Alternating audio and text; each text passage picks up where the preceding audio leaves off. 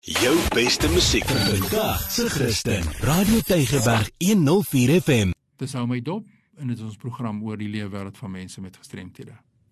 Ja, ons kyk wat is die impak van gestremdheid op die breë gemeenskap, op die persoon, sy familie, sy vriende. Maar die afgelope 3 programme wat nou verby is, het ons gesels oor die kwessie van redelike akkommodasie.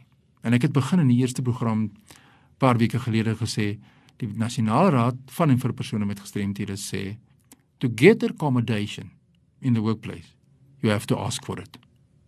En dit is die boodskap. Jy moet vra. Maar dit beteken en ek haal aan die verklaring van die nasionale raad wat sê this requires disclosing your impairment to your employer. En dit is 'n groot verantwoordelikheid want jy moet bekend maak Die Afrikaans vir disclosure is bekendmaking. Maar dis nie so maklik nie. Want baie keer is mense, hulle hou terug, hulle is bang. Hulle is hulle voel daar gaan teenoor gediskrimineer word. Nou bly hulle eerder stil. Veral jou minder sigbare forme van gestremdheid. Dis gevaarlik want jy kan nie as jy stil bly, kan jy nie onderhandel nie. Maar ook as jy stil bly wanneer gestremdheid en jy is die rede of die oorsaak dat iemand dalk beseer word as gevolg van daardie iets waaroor jy stil gebly het dan is dit begin dit gevaarlik raak. So my opinie is en ons by nasionale raad van en vir persone met gestremthede voel dis altyd beter om na vore te kom en dan te onderhandel. En as mense nie wil onderhandel nie, dan wetlik op te tree, maar moenie noodwendig net doodstil bly nie. Is nie tot voordeel van jouself as 'n persoon met 'n gestremdheid nie.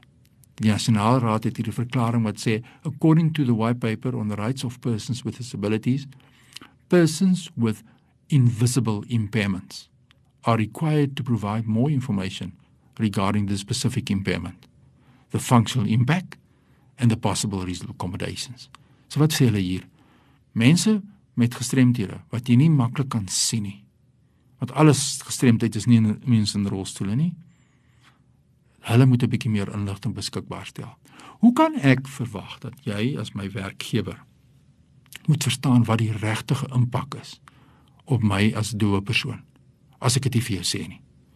Ek gebruik my stem, ek lees lippe. Jy verstaan miskien, ek besef nie eers eintlik dat ek 'n gestremdheid het nie.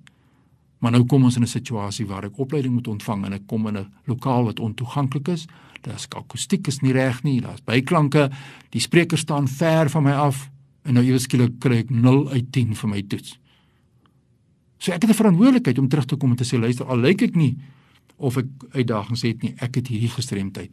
Ek wil graag na vore kom want ek wil hê ons moet daaroor onderhandel.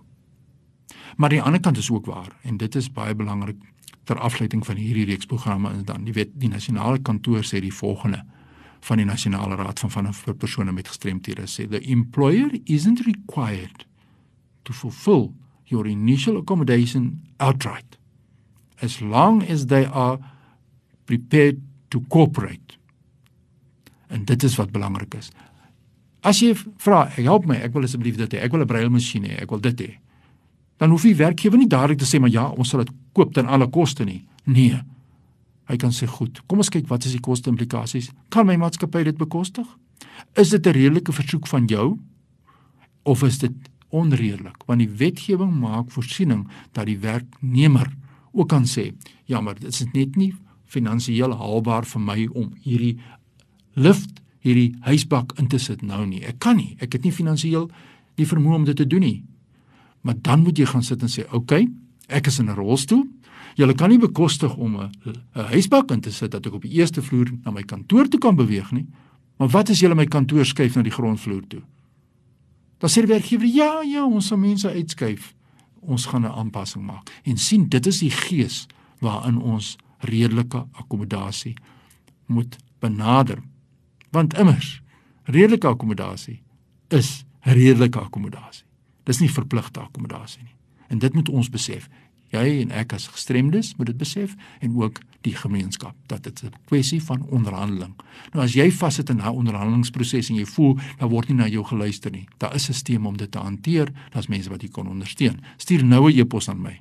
fani.dt by mweb.co.za. fani.dt by mweb.co.za.